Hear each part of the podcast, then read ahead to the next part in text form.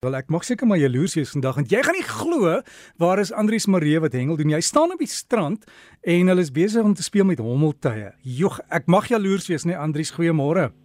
Môre Dirk, môre aan die luisteraars. Ja nee, dis wonderlik vanoggend om hier langs die see te wees en te kyk as die son so oor die berg opkom.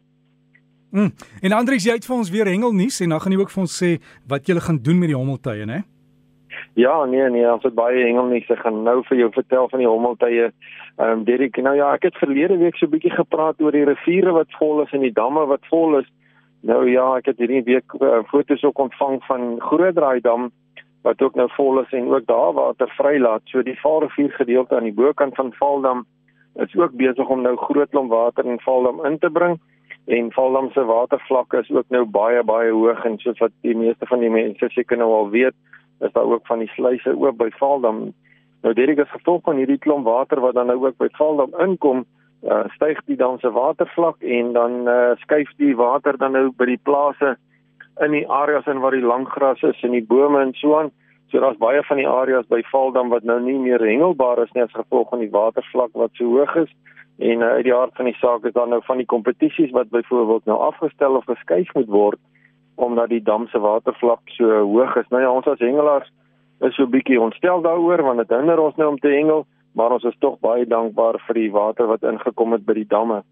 Aan die onderkant by Bloemhofdam, ehm um, is die sluise ook oop. Daar's heel wat uh, video materiaal wat op Facebook sigbaar is van die watervlak. So ek sê direk onderkant uh, Bloemhofdam het seker so tussen 5 en 10 meter gestyg in hoogte.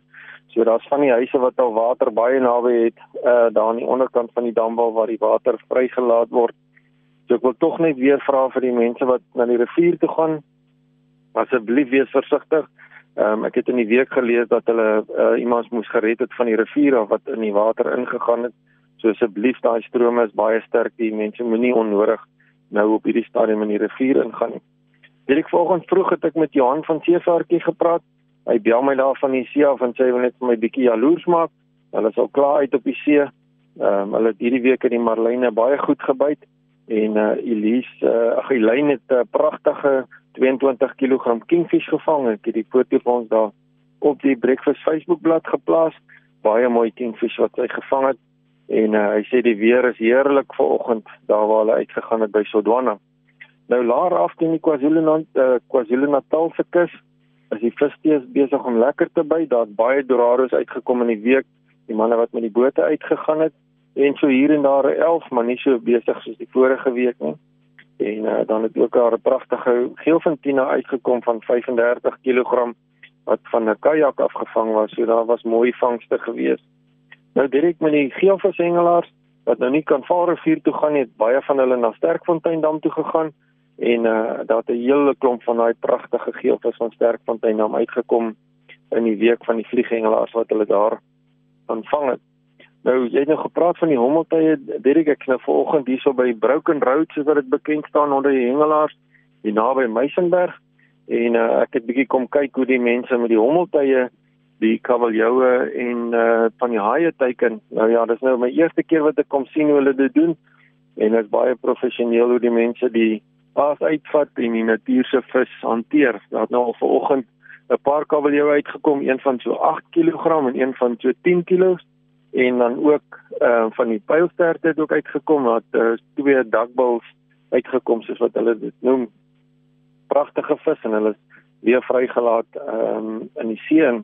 Dus uh die hommeltuie word nou gebruik om die aas in te neem Uh, as hulle die kabeljou teiken is dit so omtrent 150 meter wat die aas ingeneem word en die manne wat die haie vang, hulle gaan so 3-400 meter ver in met die uh, hommeltuig en dan laat hulle die aas daar om dan te kyk of hulle die haie kan vang. So dis 'n baie interessante manier om ook dan al die vis te teiken uh, waar jy dan nou jou aas so diep in die see kan invat.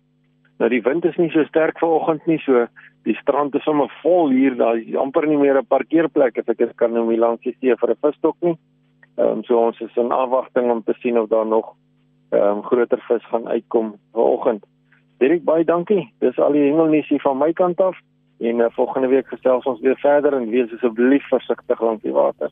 Ons sê baie dankie Andrius en jou asseblief versigtig op die pad as jy weer moet huis toe kom en geniet jou jou uh, besigtiging daar met die hommeltuie, wens ons kon daar wees. Maar as jy die foto's wil gaan kyk, dis op die Breakfast Facebook bladsy.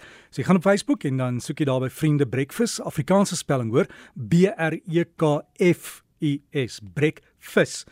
En dan sluit net aan en jy sal die foto's sien daar wat Andrius nou van gepraat het. En dan kan jy lekker gaan hengel, want as jy nie daar kan wees nie, kan jy so in die gedagtes dit saam doen.